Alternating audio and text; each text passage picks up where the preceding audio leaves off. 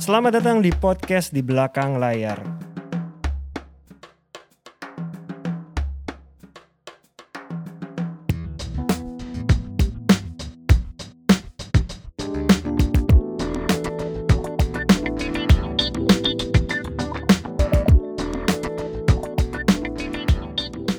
Halo teman-teman pendengar podcast di belakang layar.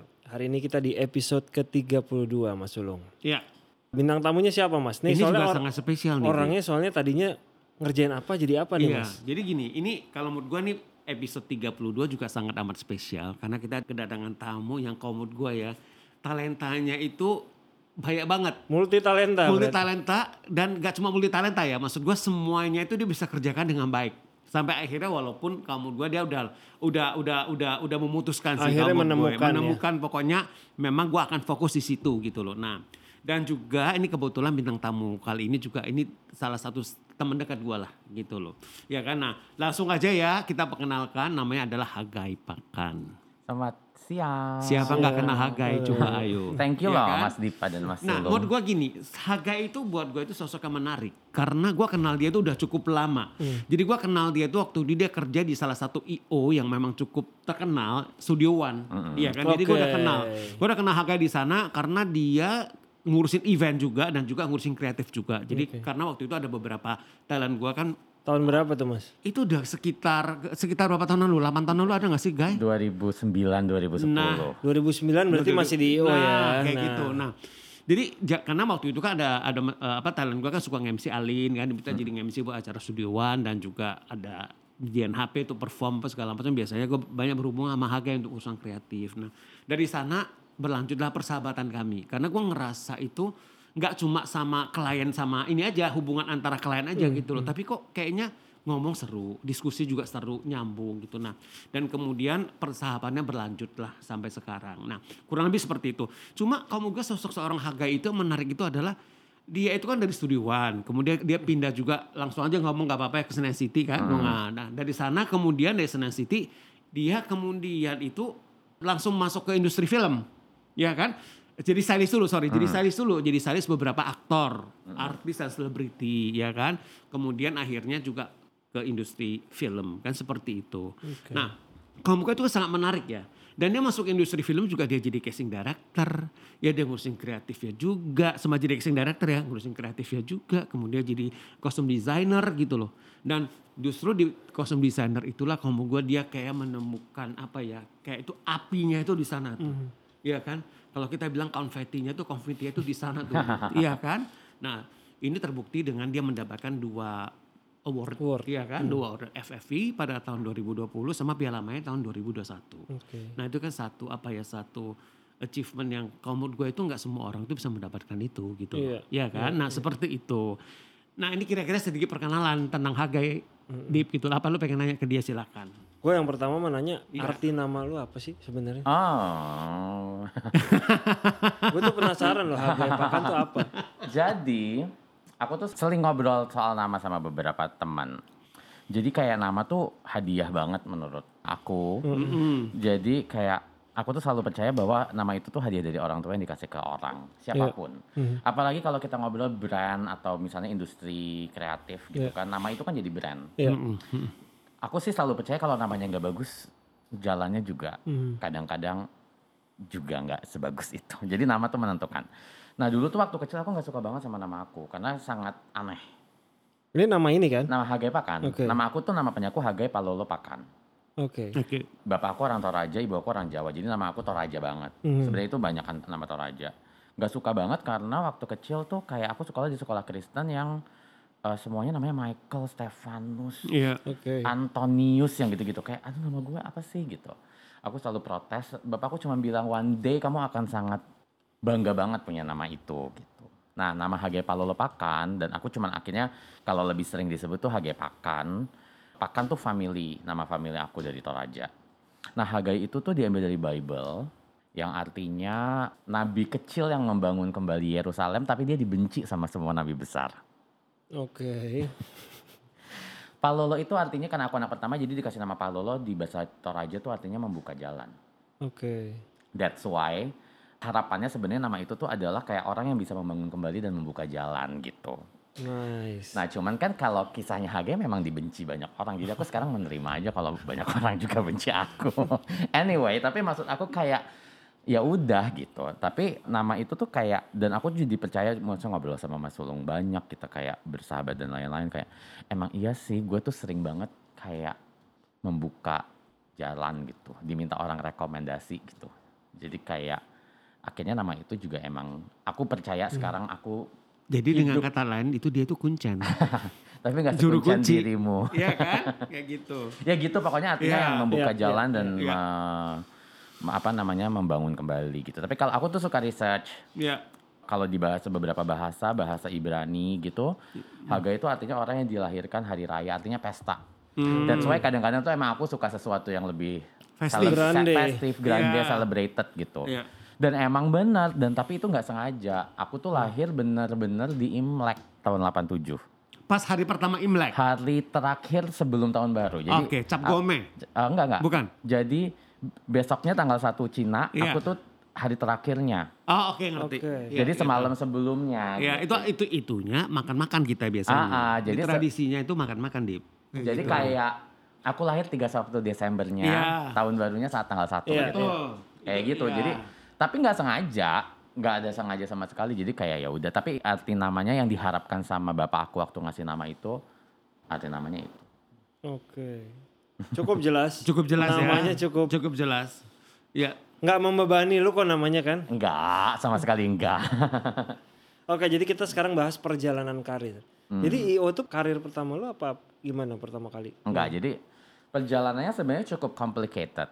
Enggak complicated sih, cukup berwarna. Oke. Kuliah apa? Kuliah dulu ya kuliah. Kuliah aku di komunikasi UI. Oke, udah aman tuh Oke, bisa semua aman, tuh. bisa semuanya. Semua. Kuliah aku di komunikasi UI. Pada saat aku tingkat 2 atau ting ya sem- tingkat semester 4 gitu, aku ditawarin sama salah satu senior aku untuk jadi asistennya dia film. Waktu itu film pertamanya Angga. Agak sasongko. Angga Sasongko. Satu alma mater Iya. juga sama sama aku. Jadi dia film pertamanya dulu sama Rex Cinema, produsernya masih Erwin Arnada. Oke. Jelangkung 3. Itu film layar lebar pertamanya dia. Yang kerja anak-anak muda. Nah aku jadi asisten wardrobe, langsung asisten wardrobe. Jadi memang aku terjun pertama kerja tuh emang langsung, jadi asisten wardrobe film. Itu kamu yang milih posisi itu apa? Enggak, eh, si apa namanya si Enggak. senior aku itu Hmm. emang wardrobe-nya. Oke. Terus dia kayak lihat ini junior gue kayaknya lumayan passionate dan apa, tapi aku ditawarin jadi asisten wardrobe. Hmm. Setelah itu kita banyak terlibat proyek-proyeknya Angga nggak bikin FTV apa-apa-apa Hmm. sampai akhirnya juga sempat kerja sama dapur beberapa Iya. kali. Film pertamanya BGT, Oke. Best Friend dulu, Iya, film pertamanya Nugros, eh, Queen Bee. Queen Waktu itu lo apa? Ya, eh, posisi lo Wardrobe. apa? Udah wardrobe. Udah asisten wardrobe. wardrobe. Jadi aku Asisten kerja wardrobe. pertama langsung asisten wardrobe. Oke. Nah, karena kita network film kan gitu kan. Iya. Apalagi di dapur kan juga pada saat itu muda-muda. Sekarang sih udah Iya. nggak muda-muda ya umurnya yang kita-kita ini. Nah, pada saat itu jadi kayak kenal sama Ame, kenal sama semua tim lah. Kita iya. kerja bareng. Nah, satu saat eh, si Ame bilang kalau sama pemain tuh gampang deket ya, guys. Hmm. Karena kan wardrobe kan emang pasti berhubungan dekat Iya, sama pemain iya. kan. Lo mau nggak bantuin gue jadi telco? Garuda, Hmm, oke. Garuda di dataku. Itu Oke. pertama kali aku kenal Mas Iva. Hmm. Jadi telco. Garuda di dadaku satu ya? Garuda di dadaku satu. Hmm. Ketika aku jadi telco, pada saat itu mereka lagi menuju ke ngobrolin mau ngasting sang penari. Hmm. Mau mulai sang penari. Ame yang casting. Ame waktu itu masih aktif casting. Ame yang sekarang wahana kreator. Iya, iya. Terus habis itu dia, lo bantuin gua casting juga. Hmm. Hmm. Itu Garuda di habis itu bantuin casting deh. Mulai dari casting. Oh kak ngasting semua cewek Hmm. aktris yang aktif saat itu untuk jadi serintil. Hmm. Kemudian karena orang beberapa lihat later aku ditawarin sama Mas Hanung ngasting Soekarno. Aku pertama kali ngasting sendiri Soekarno tapi sama tim dapur Yeah. sama Widi. Oke. Terus habis itu pokoknya panjang. Aku syuting Queen Bee. Di Queen Bee aku ketemu Aida Nurmal. Eh, aku syuting Hari untuk Amanda, sorry. Oke. Hari untuk Amanda, filmnya Angga juga. Angga, hmm. Itu terakhir kali aku kerja film, Hmm. syuting film. Aku ketemu Aida Nurmala. Oke. Dia Itulah lihat- ketemu dengan Studio One ya. Hmm. dia. Dia, Hidoan. dia lihat aku gawe, eh kamu tuh kuliahnya apa by the way? Kok kamu pintar banget dia waktu itu ngomong gitu aku ingat tapi ya thanks God dia melihat aku pintar. kamu nggak mau kerja sama aku aja? Aku punya IO Fashion Oke. dan kita kerjanya di fashion PR dan lain-lain. Ah, Aku pengen banget mbak emang kerja karena film ini kan buat aku kan kayak ngisi waktu tapi aku hobi tapi dapat Iya. duit tapi kalau setelah aku lulus dan saat itu aku udah lulus baru lulus kayak emang aku butuh kerja yang aku mengimplementasikan ilmu kan masih mau basic ya Iya, iya. ah gue mau syuting syuting doang sih pada saat itu gitu eh ditawarin posisi kreatif asisten kreatif masuk studioan aku tahun 2009 Oke.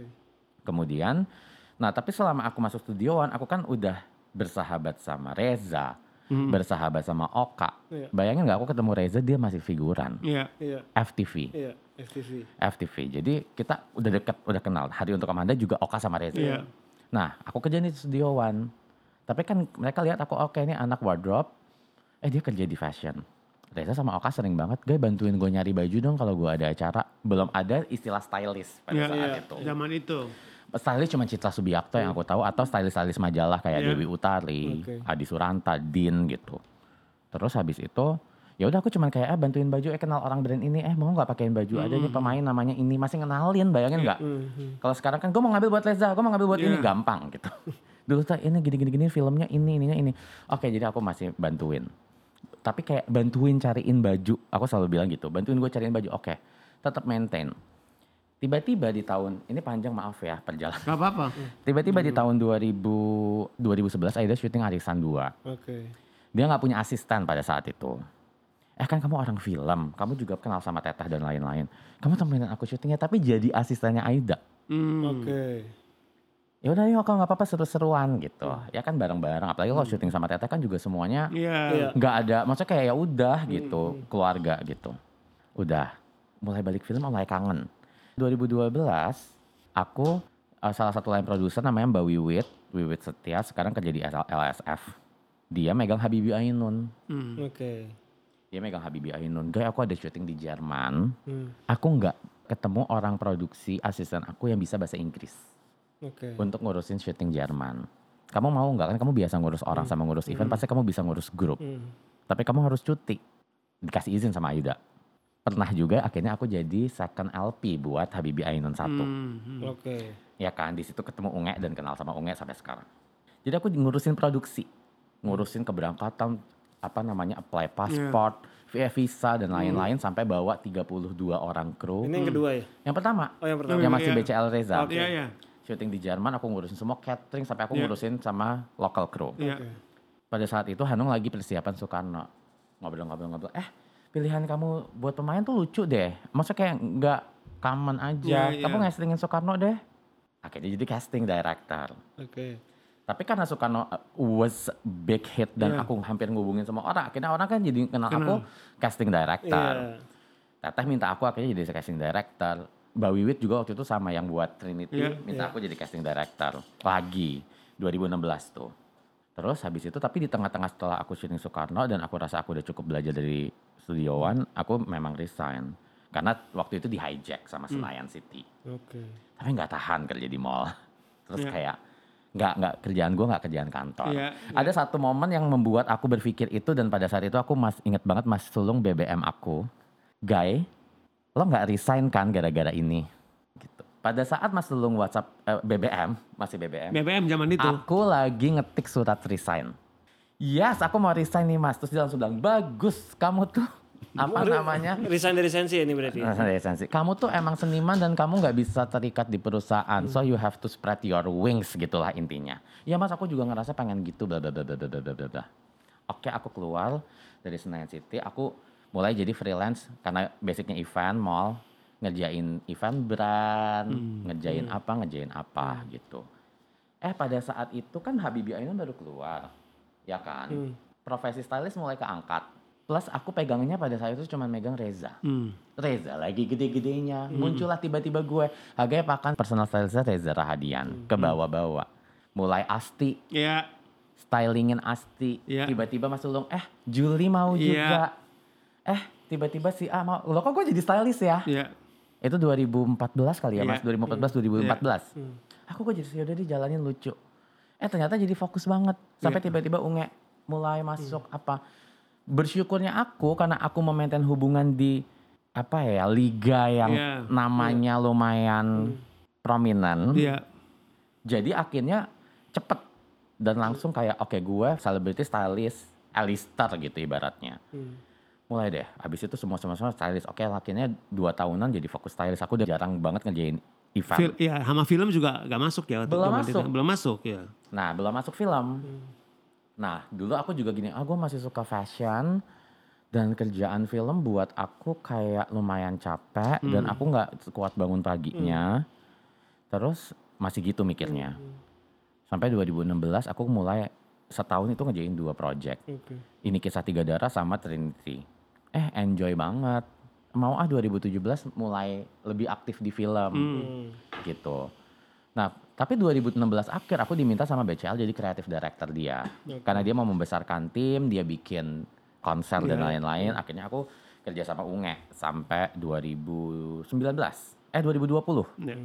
Jadi aku memaintain antara kreatif director, costume designer, casting directornya udah ah enggak ah. Ya. Tapi antara dua itu stylist sama masih bantuin event-event kayak eventnya Mama Gea gitu. Casting director film terakhir jadi apa? Trinity. Oke. 2016 ya. 2016 Oke. gitu. 2017 aku kembali dipertemukan sama Mas Iva, Hmm, koki-koki cilik, Ya. Oke. sama Morgan. Morgan.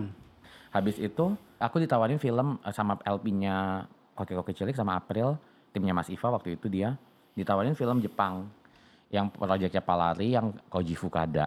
Emang produksi Nikatsu, syutingnya di Aceh. 2018 aku ditawarin Berata sama Fauzan. Hmm. Terus ditawarin Abrakadabra. Hmm. Dari situ enjoy, udah. Sempat akhirnya satu tahun jadi empat. Tadinya aku cuma mau satu tahun dua kali syuting. Jadi akhirnya aku cuma fokus ngerjain unge sama syuting. Hmm. Oke. Stylist udah lebih termaintain karena udah tahu caranya dan udah punya asisten, Udah punya tim. udah punya tim, gitu. Sampai akhirnya ya udah 2019 syuting banyak, 2018 syuting banyak. Terus akhirnya ya gara-gara akhirnya menang FFI dan Iya. segala maya akhirnya ya udah. As a costume designer kuat dan aku tuh kayak ngerasa oke thanks God gue fokus menjalani itu. Tapi aku juga bersyukur aku tidak meninggalkan yang lain gitu. Hmm. Menarik kan? Dulu tuh aku sempat ditanya lo mau jadi apa? Hmm. Oke. Yang salah satu yang nanya Ari Tulang. Hmm. Oke. Kalau aku bisa jalanin semua kenapa aku harus milih salah satu? Aku jawab gitu. Oke. Ini penghargaan Pertama. pertama, lu Nominasi nominasi, pertama. pertama dan langsung penghargaan pertama. Ada istilahnya kan? Iya kan? Iya. Emang ini mungkin adalah penghargaan Iya. yang akan memulai ke Iya. penghargaan-penghargaan. Apa istilahnya? Amin. Vidi. Vini Vidi Vici. Iya. Vini Vidi Vici. Ya, udah gitu aja. Datang, masuk nominasi, langsung menang. Maka aku bilang nggak semua orang tuh punya privilege seperti itu. Nah kemudian ini Dip, kamu gue sosok sosok seorang Hagai, kamu Iya. gue. Selain dia memang orang kreatif, Iya. kelihatan banget dia, dia tuh wawasannya tuh luas. Iya kan? Dalam arti wawasan berpikir dan referensinya tuh juga dia luas. Gue yakin banget dari kecil suka baca kan. Sebenarnya aku kecil gini, aku tuh sebenarnya di antara adik-adikku aku Iya. paling nggak suka baca. Tapi, Tapi frekuensi bacanya memang lebih dari nah teman-teman lain dan aku Iya. tapi gini, aku memang suka nonton. itu. Jadi aku memang suka nonton. Terus aku memang terbiasa pergi ke museum gitu. Oke. Jadi kalau menurut gue sih nggak nggak akan ini, nggak akan mungkin gitu loh. Misalkan kadang-kadang kan orang memang kalau dia memang sudah itu ya, expertnya dia mis- misalkan di casting casting aja kan dia gak akan dia tidak akan apa mengekspan iya kan? nah tapi ini kan memang dia dia punya punya skill dan dia punya kemampuan tuh mengekspan itu kan gitu. Nah itu wawas kalau gue itu adalah visi vision sama wawasan. Banyak lihat banyak baca.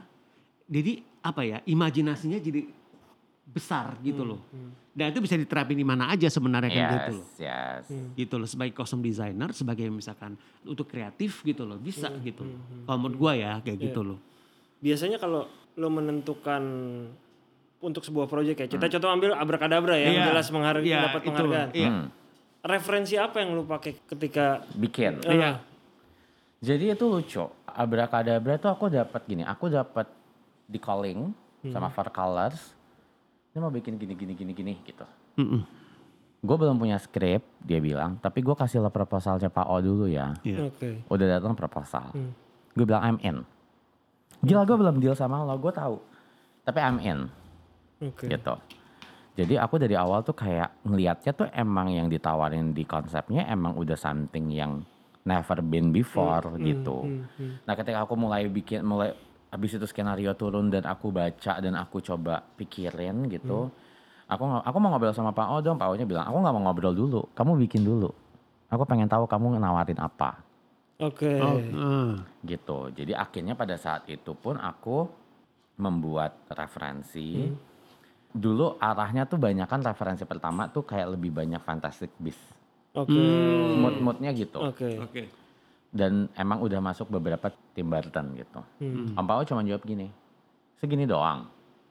Nggak bisa lebih kutur. "Oh, Oke, gitu. Referensi kedua udah heboh gitu. Udah heboh dan aku langsung hubungin desainer-desainer papan atas Iya, semua gitu. Gue langsung hubungin waktu itu langsung Tex Saverio. Oke. Lo mau nggak support gini gini gini gini gini gini gini gini yang main belum tahu siapa tapi gini gini. gini. Oke, aku bisa pinjemin ke bank. Ini gue udah dapet Tex Saverio, nggak ada yang lebih kutur dari Tex Saverio saat itu. Banyak sih sebenarnya, cuman kan dia lagi uh, Iya, iya. heboh dengan Lady Gaga dan lain-lain. Tapi oke ya udah akhirnya gitu. Jadi aku waktu itu sih lebih membuat aku gini kalau referensi itu aku punya muse generally. Hmm. Jadi aku selalu bikin ngebayangin kalau di teman gue nih yang karakternya kayak gini siapa ya. Hmm. Hmm. Jadi aku coba deketin, aku liatin gayanya dia. Oh, gue bikin kayak dia. Jadi aku punya muse. Ini mau dibikin kayak siapa di real life yang aku lihat gitu. Mungkin somehow ada yang kalau tiba-tiba Mas Sulung lihat salah satu film, kok gayanya kayak gue. Mungkin pada saat itu Iya. muse karakter itu Mas Sulung gitu. Iya, iya. Tapi kalau abrakadabra kan sama sekali nggak bisa bikin muse karena Iya, itu. iya. Tapi Iya. pada saat itu tuh aku bener-bener yang aku kepake di aku. That's why aku beruntung aku tidak memutuskan untuk meninggalkan satu dunia karena hmm. yang kupake ya pada saat aku di fashion yang semuanya nggak real dong. Something yang nggak real, something yang uh Hmm. nggak realis, surreal dengan Iya. styling Iya, yang iya, heboh-heboh iya, iya. gitu. Jadi akhirnya itu kepake banget. Hmm, Lihat fashion show, nonton fashion show dan lain-lain itu kepake banget. Pada saat aku membuat abrakadabra. Nah ada kadabra tuh itu disiapin berapa banyak kostum? Karena gue nonton filmnya tuh. Jadi sebenarnya abrakadabra itu semagic filmnya. Oke. Satu truk bajunya. Satu truk. Ah, satu truk bajunya karena kayak baju teks aja tuh kayak Hmm. segede Ah. segede orang dibungkus kain Hmm, gitu. Karena gede banget gak bisa dilipat, jadi nggak masuk box. Mungkin ada sekitar 20-an box pada saat itu. Tapi itu juga udah aku pilih karena kan sebenarnya ceritanya tuh nggak yang berhari-hari kan, cuman tiga hari lah gitu kurang Iya. lebih mas. Dan kayak event Reza aja kostumnya itu cuman tiga set atau Iya. empat set gitu aku lupa. Hmm. Tapi persiapannya tuh nggak selama itu loh. Jadi untuk film yang se apa ya kelihatannya meticulous banget gitu Iya. kan. Tapi aku tuh cuman ketemu Vida sekali, production designernya. Aku cuman ketemu Gandang sama Vida sekali lagi. Ya. Dan itu cuma menentukan palet sama apa warna dan uh, style keseluruhan gitu. Jadi karena kita ketemu langsung klek, aku cuma kayak Mbak Vida, pokoknya gue nggak mau tahu caranya, gue mau baju polisinya turquoise tua. Hmm. Eh oke kalau gitu aku bikin kantor polisinya warna pink deh. Jadi kita saling ngerespon aja. Nah nggak ada meeting yang orang kan berpikirnya gila nih orang Iya. tim kreatifnya meetingnya kayak gimana? Nggak sebegitunya. Tapi karena itulah jagonya Mas Iva juga menentukan sama Om Pak Om handpick gue mau A B C.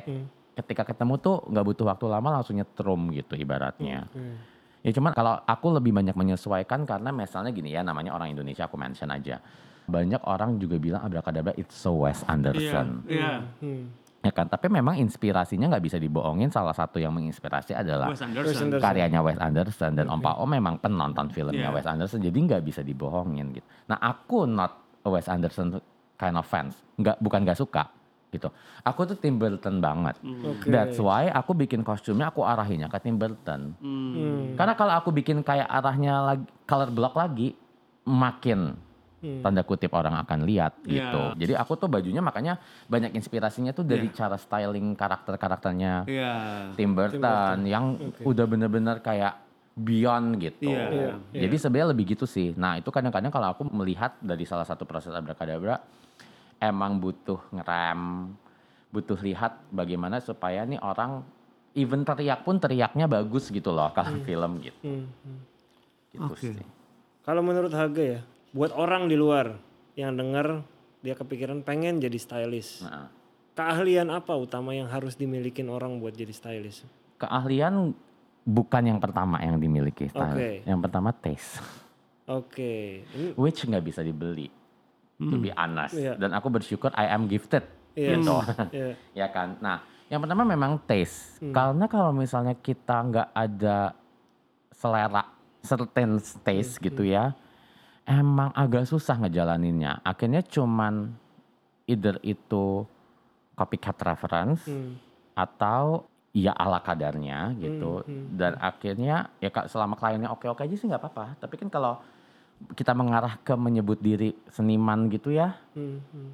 pengen ada sesuatu yang kayak orang tuh bisa lihat oh ini kayaknya agak yang stylingin deh Oke. ada karakter tertentu Hmm, gitu dan itu kan juga sebenarnya berangkatnya dari taste Iya. ya kan kalau keahlian sih sebenarnya ya kalau yang berhubungan sama stylist sih kalau aku ya salah satu Hmm, selain taste habis itu keahlian yang ngejahit yang berhubungan sama ngejahit Hmm, baju karena kan kita harus bisa mungkin memotong baju di lo- lokasi Iya. kekecilan harus bisa kita jahit gitu kalau yang lain-lain work ethic networking bisa Uh, sampai itu lah. basic lah kerjaan Iya, apa pun iya, iya. kerjaan apa pun Membutuhkan membutuhkan, itu. gitu. Iya. Tapi kalau sebagai fashion stylist, costume designer karena uh, kebutuhan utamanya kita membuat orang nyaman memakai baju Hmm. Hmm. dan orang lain nyaman melihat Hmm. orang itu memakai baju itu jadi tes nomor satu. Oke. Berarti ini ilmu yang bukan ilmu pasti jadinya mas. That's why fashion stylist dan costume designer di Indonesia nggak ada yang sekolahnya itu. Nggak ada yang sekolah aja bisa ada profesi itu. Yes, yes, yes. Ya kan. Hmm, hmm, Nah sebenarnya kan salah satu kelebihannya industri kreatif Indonesia banyak orang yang nggak sekolah itu Iya. bisa mengerjakan profesi itu dengan cukup kompeten Iya, gitu. iya, setuju, setuju. Itu sih sebenarnya. Nggak ada deh, you name it. Mbak Nok, Citra Iya. Subiakto, Hmm, hmm. misalnya event yang sekarang ada ya mungkin arah-arah kuliahnya dikit-dikit fashion design or fashion illustrator, tapi bukan fashion styling gitu. Hmm. Guy, gue mau nanya ya. Lu kan berturut-turut mendapatkan dua penghargaan ya. Di satu film. Lu terbebani gak sih dengan itu? Sebenarnya lebih terbebani ketika ketemu orang selalu dibahas ini lo pemenang Piala Citra gitu. Hmm. kayak nggak apa-apa juga senang, tapi kayak lama-lama malu gitu diulang-ulang. Kayak lebih itu, tapi sisanya sebenarnya lebih ke karena sih sampai sekarang kayak aku melihatnya bahwa kalau orang-orang membahas gitu ya, berarti ih banyak banget yang merayakan Iya. momen itu Hmm. gitu sampai semua orang ingat dan semua orang membahas dan kayak cheering me up gitu Hmm. ya kan tapi kalau secara beban tuh sebenarnya untungnya aku dari sebelumnya tuh sudah kalau bisa gue kasih seribu persen seribu persen kalau nggak dia sesuai Mas Ulung tau lah Iya. jadi kayak nggak ada tuh sejadinya gitu jadi ketika menang tuh emang rasanya tuh kayak it's paid off Ya. gitu. Kecuali mungkin ada momen-momen yang kita mendapatkan kemenangannya lebih kelak, Hmm. dapat project bagus, effortnya normal gitu, menang, habis itu kayak oh my god gue harus raise the game dong. Hmm, Nah aku tuh karena udah kebiasa ngegas, jadinya ya udahlah segas itu lagi. Karena aku cuma ngelihatnya sih sebenarnya penghargaan itu kan bonus ya Ya. Iya. bonus dan hasil doa banyak orang gitu. Jadi ketika itu tidak terulang lagi, berarti ya emang belum bisa dapat bonus lagi atau doa doa yang mendoakan aku belum dikabulkan lagi gitu aja sih sebenarnya kalau aku ngelihatnya. Hmm, hmm. Tapi kalau mau beban sebenarnya lebih ke gini, akhirnya ada stigma bahwa harga naik nggak? Ya. Hmm. Aduh, kayaknya enggak deh. Kayaknya gila, enggak. Gue nggak butuh yang sebesar itu misalnya. Kadang-kadang ada beberapa orang gitu. Ngobrol aja dulu sih, pengen gitu sih Iya, sebenarnya gitu. Karena kadang-kadang kan kayak Jangan berasumsi dulu. It's not all about the money Iya, gitu, iya, gitu. iya, Nggak mentang-mentang juga dengan adanya satu posisi, akhirnya kayak itu menentukan, ya mungkin menentukan, Hmm. tapi nggak segitunya gitu. Tidak mutlak lah ya. Tidak mutlak karena kadang-kadang orang tuh memang sebagian besar tuh kayak, nggak deh kayaknya kita nggak butuh Iya. yang segitunya. Gitu. Iya, harusnya sih bisa jadi tantangan harga ya bahwa gue udah dapat piala pertama, masa sih harus berhenti sampai di situ ada another piala. Supaya Sekarang jadi gitu. karena jangan sampai orang ngomongin ini harga yang menang mana abrakadabra. Nanti ada lagi harga yang menang piala di lagi? Amin. Udah ada stok-stok kok ya, guys. Udah ada kan stok-stok film yang Dulu Iya kan? sebenarnya tuh nggak pernah kepikir gini. Aku tuh kayak emang aku tuh emang orang yang edik banget nonton Oscar dari dulu. Dan aku selalu nonton FFI. ya, Oke. Emang dulu kecil tuh pengen se- sempat membayangkan gila apa rasanya ya diri di memegang Podium. piala itu gitu ya. nama lo dipanggil, Nah, ah, terus habis itu lo diri di podium dan lo speech. iya, Iya. Sempat ngebayangin, iya. tapi ketika rasanya dan momennya datang, Iya. kayak rasanya beda sekali sama yang aku bayangin Iya, gitu. iya. Dan pada saat itu aku sempat ngobrol habis momen kemenangan aku sempat ngobrol sama Reza, aku bilang gue tahu sih rasanya jadi lo punya satu piala terus lo pengen punya yang lain sekarang. Gue bilang, That's why kata si Reza gitu. Ya gue tahu ketika lo udah dapet lo kayak bukan bukan bukan lebih ke membuktikan gitu ya, tapi kayak lebih ih seru ya. Hmm. Ternyata tuh kayak apresiasinya orang tuh lebih dari itu gitu. Lebih dari Menghargai karya lu setelah lu- menghargai karya dan mencintai Iya. kita sebagai sesama pekerja film hmm, gitu. Gitu sih. Kalau lu ngerjain film tuh kan prosesnya sebenarnya nggak sebentar ya. Mirip kayak another crew lah. Lu pre-nya Hmm. ngikut. Pada saat syuting lu setiap hari nggak kalau syuting? Setiap hari. Setiap hari. Mungkin bedanya pose aja ya. Pose Oh, lu kan nggak ada, pose nggak ada. nggak. Apa bedanya lu mengerjakan film dengan stylist seorang pribadi yang cepet aja kan biasanya kan buat event doang gitu atau buat Yang beda udah pasti durasi yang pertama. iya. Hmm. Waktu kerjanya pasti beda karena kalau film kan kerja tim besar Iya. waktu Iya. panjang. Kalau styling oh, waktunya cenderung lebih Hmm, pendek, hmm, hmm. sehari dua hari lah Iya. gitu. Terus habis itu, tapi kalau sisa-sisanya menggodok konsep dan event lagu cuma butuh satu, misalnya kayak tadi Unge nyanyi. Ya mau untuk menentukan itu kan kayak, oh nyanyinya lagu apa, Hmm. lo mau moodnya apa, lagi pengen gaya apa Hmm. gitu kan. Hmm. Film kan gitu. Hmm. Tapi memang film yang paling signifikan perbedaannya adalah karena waktu kerjanya panjang dan itu juga membutuhkan stamina yang berbeda gitu kan dan eh, tingkat kesulitan dan beban pekerjaannya banyak karena kalau kalau dandanin satu orang ya it's just satu orang. Hmm. Tapi kan kalau kalau film lo kan ngedandanin satu universe. Iya. Dan lu Ya bertanggung kan? jawab terhadap looknya mereka. Looknya mereka se-ekstras, ekstrasnya gitu. Dan itu konsisten, harus konsisten dari awal sampai akhir. Iya, that's why lu Iya kan? stay sepenuhnya selama syuting ya. Biasanya nggak yang udah beres, ada beberapa Lo ada beberapa tinggal? ada beberapa nggak, kalau generally gue akan standby di Iya. set 100% bahkan standby di monitor untuk Oke. untuk kadang-kadang aku juga kayak kerja sama sama Ngeliat Astra ada ya. boleh nggak yang ini di sini karena warnanya ini bagusnya Iya, kalau iya, kalau iya. ekstras ya Iya, iya. jadi kalau ekstra kan bisa ditukar-tukar Iya. itu lebih supaya jagain komposisi warna Oke. gitu tapi kalau ada juga beberapa project yang aku yang lebih ringan Hmm. dan udah misalnya udah continuity atau tidak yang terlalu Iya, ribet aku ninggalin di- Tim. tim maksudnya tim aku yang standby di lokasi juga bisa tapi Iya, iya. generally kalau sistem aku kerja film adalah aku tidak meninggalkan Oke. bukan yang tipikal yang kayak eh yang jalan asisten gue yang enggak jadi memang Oke. aku akan standby di lokasi untuk make sure Hmm, every single look gitu karena aku tuh selalu percaya bahwa bajunya bisa bagus tapi salah sama sepatunya atau salah sama tasnya Hmm. itu tuh bisa jadi total hancur Oke. nah itu tuh kadang-kadang yang memang that's the taste Hmm. works bukan aku bilang bahwa tim aku tidak punya taste itu Hmm.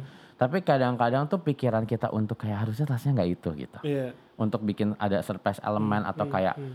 kadang-kadang kan orang berpakai pikirannya cuma basic ya udah lo sepatu Hmm, hitam hmm, atau lo pakai apa gitu tapi kan kadang-kadang kita juga punya konsep yang untuk Iya. total looknya lebih perfect Hmm. final touchnya yang lebih penting gitu Haga itu melakukan pekerjaan ini pas kuliah lu udah ngerjain berarti. ya? udah jadi lumayan Kalau tektok lu tarik dulu waktu lu kecil sempat kepikiran ini gak sih sebenarnya? Jadi sebenarnya gini kalau aku tarik banget kayak aku dari dulu memang selalu suka sama kesenian Oke. I play drama di sekolah, Hmm. aku paduan suara dan aku udah dandanin teman-teman paduan suara. Jangan Nah, itu, nah itu, itu. kan. Jadi aku udah dandanin teman pakai paduan suara, pakai baju apa, pakai baju Hmm. apa gitu. Terus aku kayak udah milih baju sendiri. Jadi sebenarnya ibu aku tuh bilang Hmm. beberapa tahun tahun lalu apa kayak baru-baru kok belum yang lama gitu. Kayak aku kan kalau di rumah dipanggilnya Lolo kan nama tengah. Dia Oke. bilang dia selalu bilang waktu itu dia lagi ngomong sama tante aku dan aku dengar gitu kayak kalau Lolo sih kayak dia cuman kayak di stretch gede aja Hmm. cara aku ngomong apa yang aku kerjain kesukaan aku nggak berubah Hmm. menurut dia tuh aku cuman kayak di gedein Iya. gitu Hmm. ya kan digedein aja bentuk tapi kayak yang gue suka yang gue jalanin Hmm. yang gue cara gue ngomong cara gue menikmati sesuatu cara gue makan cara gue jalan gitu menur- Hmm, menurut dia Hmm. sama persis jadi sebenarnya aku tuh dari dulu memang udah attracted sama sesuatu yang berhubungan sama seni keindahan ya kan bebajuan Iya. gitu Iya. dan kadang-kadang dan aku bersyukur banget punya bapak ibu yang kayak gini loh anak laki-laki main-main baju tuh kan kasih Iya. bapak ibunya Iya. Iya. dari kecil udah worry. Hmm. Iya. Nah aku tuh sama sekali nggak dijauhkan Oke. dari situ. Iya. Iya. Jadinya ya aku deket gitu dengan perkainan dan baju dan lain-lain. Iya, Jadi ya udah dari dulu tuh emang udah suka gitu. Iya. Tapi kan memang kayak kita bilang nggak ada profesinya. Iya. Maksudnya kayak kita nggak tahu bahwa ada terminologi fashion stylist Iya, pada saat iya, itu iya, iya. gitu. Cuman dari dulu tuh bayangin ya sih baca feminanya ibu aku, Hmm. ya gitu-gitu. Jadi emang udah ada kesukaan-kesukaan itu. Hmm. termasuk ke kain-kainnya ibu aku, aksesoris-aksesorisnya ibu. Jadi memang udah ada kesukaan Iya, itu. oke. Nah salah satu turning pointnya nih sebenarnya menarik, mungkin agak meleset dari pertanyaan. Jadi aku di gereja lumayan aktif di sekolah minggu. Dan kita tuh dulu suka yang paduan suara, main drama, main apa. Gua- Ada satu momen aku tuh sedih sekali karena aku tidak dipilih untuk jadi paduan suara. Hmm. Atau apa menyanyi intim, paduan suara dan lain-lain. Dan tidak main drama. Guru sekolah minggu aku udah meninggal dia ngomong gini. Gak semua orang tuh harus jadi di depan layar. Iya. Semua yang bagus di depan layar itu bagus karena ada yang bagus di belakang layar. Nah kamu tuh bagus banget sebenarnya pasti di belakang layar. Jadi kalau kamu nggak bisa di depan layar, kamu buktiin bahwa kamu bisa bikin yang di depan layar lebih bagus dari yang dia seharusnya. Oke. Jadi deh aku mulai bantu dekor di gereja, masa kayak aktif dekor, mikirin kostum. Jadi itu, itu juga kayak lumayan terlatih gara-gara di sekolah minggu, di gereja gitu. Itu sih sebenarnya kalau mau ditarik belakang. Ada parts itu Iya. yang membentuk aku jadi akhirnya lebih komplit gitu sekarang. Oke. Karena nggak mungkin kayaknya muncul, pasti ada makanya tadi. Iya. Pasti ada benih-benih sudah dari Ah, dulu. ah, ada triggernya sebenarnya Iya, Ada trigger- agak betul. triggernya iya kan Iya, iya. dan kamu gue sih kita dengar dari Hagai cerita itu memang dia dari kecil itu memang sudah sudah sudah suka berimajinasi kalau menurut gue sih jadi Lumayan. memang udah jalan imajinasi dia Hmm. udah udah udah jalan gitu loh udah membayangkan kan kayak gitu loh oke ini mungkin lihat kain ini dia sudah membayangkan oh kain ini mungkin ini bagusnya diapain Iya. melihat paduan suara kayak gitu kan tim ini oke. Kayaknya lebih bagus Iya, kalau ini gini deh. iniin, kayak gitu loh Ya. Lumayan, ya emang Iya, gitu sih. Jadi iya. kayak makanya pas kemarin aku menang FFI, Iya. banyak teman-teman aku di Facebook atau di Instagram yang emang teman Hmm, Iya, lama dari iya. SD tuh kayak, oh my god gitu. Gue udah tahu banget dari dulu emang kayak that's Iya kan? you. Gue udah biasa diatur sama Haga dari Ya, kecil ya, gitu. That's your passion gitu. Jadi Iya, kayak banyak iya. orang yang akhirnya juga jadi kayak Iya. speak up menceritakan gitu. Terus tahun ini guys, maksudnya di 2020 itu project apa aja yang yang yang, yang Iya. lagi dikerjakan? Kalau yang ongoing, aku lagi ngerjain musikal Siti Iya. Nurbaya yang diproduseri Mas Garin. Tapi direkturnya ada salah Nah ya Anindita, Nah, ya, kita akan kerjasama Iya. karena di gue. Talentnya dia juga, Ya, talentnya oh, iya, Dipa. Iya. Oke, sama Naya yang direct sama teman musikal. Iya. Oke. Ya kan, yang apa? Mereka adalah anak-anak muda yang bikin musikal. Iya. Jadi aku lagi work on it sama Naya, sama Mas Garin, sama Teman eh, musikal. teman musikal. Tapi serunya adalah Mas Garin tuh menemukan semua generasi di project ini. Hmm. Jadi kayak Naya yang direct, terus aku sama Mbak No tuh dikolaborasiin. Oke. Jadi ini pertama kalinya aku kerja bareng lagi sama dulu aku sempat ngasih sayangin Mbak No. Nah ini aku dikolaborasiin lagi sama Mbak No as a costume designer and costume designer gitu. Ini yang lagi dikerjain terus ada beberapa ya project styling masih ada gitu. Aku juga lagi bantuin Ge- eh, Gea Iya. untuk eh, sel- apa namanya rangkaian program dia untuk 40 tahun dia gitu. Kemudian ada beberapa tawaran yang lagi baca skenario sih sebenarnya. Jadi 2021 tetap produktif. Iya. Produktif is a must. Produktif in mas. Terlihat tidak ada tidak pengen istirahat kok Iya. memang. aku cuma butuh istirahat kalau aku butuh liburan. Oke. Jadi kalau buat orang tadi kan garis besarnya adalah kalau mau jadi stylist harus punya taste. Gimana dong orang itu biar tahu dia punya taste apa enggak? Nah tes itu tuh sebenarnya kayak satu sense yang nggak bisa kita Hmm. undang kan. Oke. Jadi pasti kita dengan sendirinya akan tahu. Oke. Ya, jadi gini, di- kita sebagai manajer artis juga, kita kan juga harus punya dalam memilih Iya. talent, kita harus punya taste kan. Iya. Dia kita juga harus punya gut feeling kan. Iya. Itu gak ada gak ada ilmunya. Iya. Kita mau ngajarin gimana pun juga nggak bisa. Iya kan? Tes kayak intuisi kan. Intuisi nggak bisa. Kamu gue sih ya. Yang jelas menurut gue si kolamnya stylist ini masih masih luas, Masih- masih, sangat mungkin ya. banget dong. Sangat. Kalau orang ada yang Iya. pengen jadi stylist masih mungkin banget. Dan dong. sekarang sebenarnya banyak banget. Ini kan Oke. salah satu yang juga sempat di, maksudnya kayak sempat dibahas dan kita lihat jadi Iya. fenomen, jadi fenomena bahwa kayak sekarang semua selebriti pakai stylist. Iya. Nah, Padahal kan ada masanya it- mereka nyari baju sendiri, manajemennya yang, yang nyari Iya, hubungi iya. desainer dan lain-lain. Sekarang semua orang tuh harus pakai stylist gitu. Iya. Iya, iya, gitu. Dan pemetaannya udah ketahuan, oh kalau ini megangnya ini ini Iya. ini, ini, ini megangnya ini ini, ini gitu. Dan masih banyak lagi sebenarnya yang mungkin possible gitu. Karena artisnya juga pasti akan banyak yang baru-baru, Nah, ya kan. oke. Stylist juga harus regenerasi dan lebih banyak yang Betul. baru-baru. betul. Kayaknya cukup banget kita Sangat banyak cukup. informasi menarik dari seseorang yang sudah mendapatkan dua piala. Satu piala Ya, Citra Citra, dan satu piala Piala Maya Maya. untuk film Abrakadabra. Ya, Mudah-mudahan ada abrakadabra abrakadabra yang lain. pasti. Ah, pasti dong. Amin. Terima kasih banyak Hagai. Aku yang Terima kasih you. waktunya, Ha, guys. Aku senang bisa sharing, bisa ngobrol. Dan ini akan sangat apa ya? Ini akan sangat berguna sekali buat teman-teman yang mendengarkan. Iya. Dan kalau misalkan teman-teman pengen jadi stylist, Stylist. pengen menjadi penata kostum di film, kurang lebih udah ada gambaran kan Iya. harus seperti apa Iya, gitu. iya. Ya. Dan kita berharap memang ada another Hagai lagi. Bercita-cita gak sih bikin kayak sekolah atau apa pun gitu? Kalau sekolah sama sekali enggak, tapi aku sangat mengharapkan dari tim aku tuh ada yang kayak akhirnya bisa jalan sendiri. Oke. Lebih ke situ sih, karena kalau sekolah I don't think aku bisa ngajar. Hmm. Eh, atau bukan, itu kan ngajar atau aku bisa Iya. membuat kurikulum gitu karena kan kayak aku aja nggak belajar ngerjain Iya. gitu. Iya, iya, ini iya. kan otodidak. Tapi salah satu yang aku pengen adalah habis ini aku pengen sekolah kostum desain.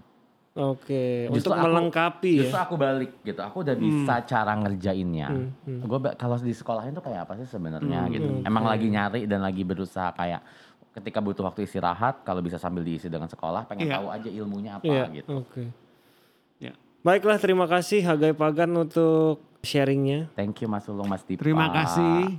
Sehat-sehat. Amin. Semoga Terus produktif. 2001 2021 terus produktif menciptakan karya yang lebih dari abrakadabra. Amin. Semuanya mudah-mudahan makin bahagia. Amin. Terima kasih buat teman-teman pendengar podcast di belakang layar. Terima kasih kepada Kala Event Management. Betul. Dan terima kasih buat Mas Eka di audio. Kita ketemu lagi di episode ke 33. 33. Terima kasih semuanya. Terima kasih.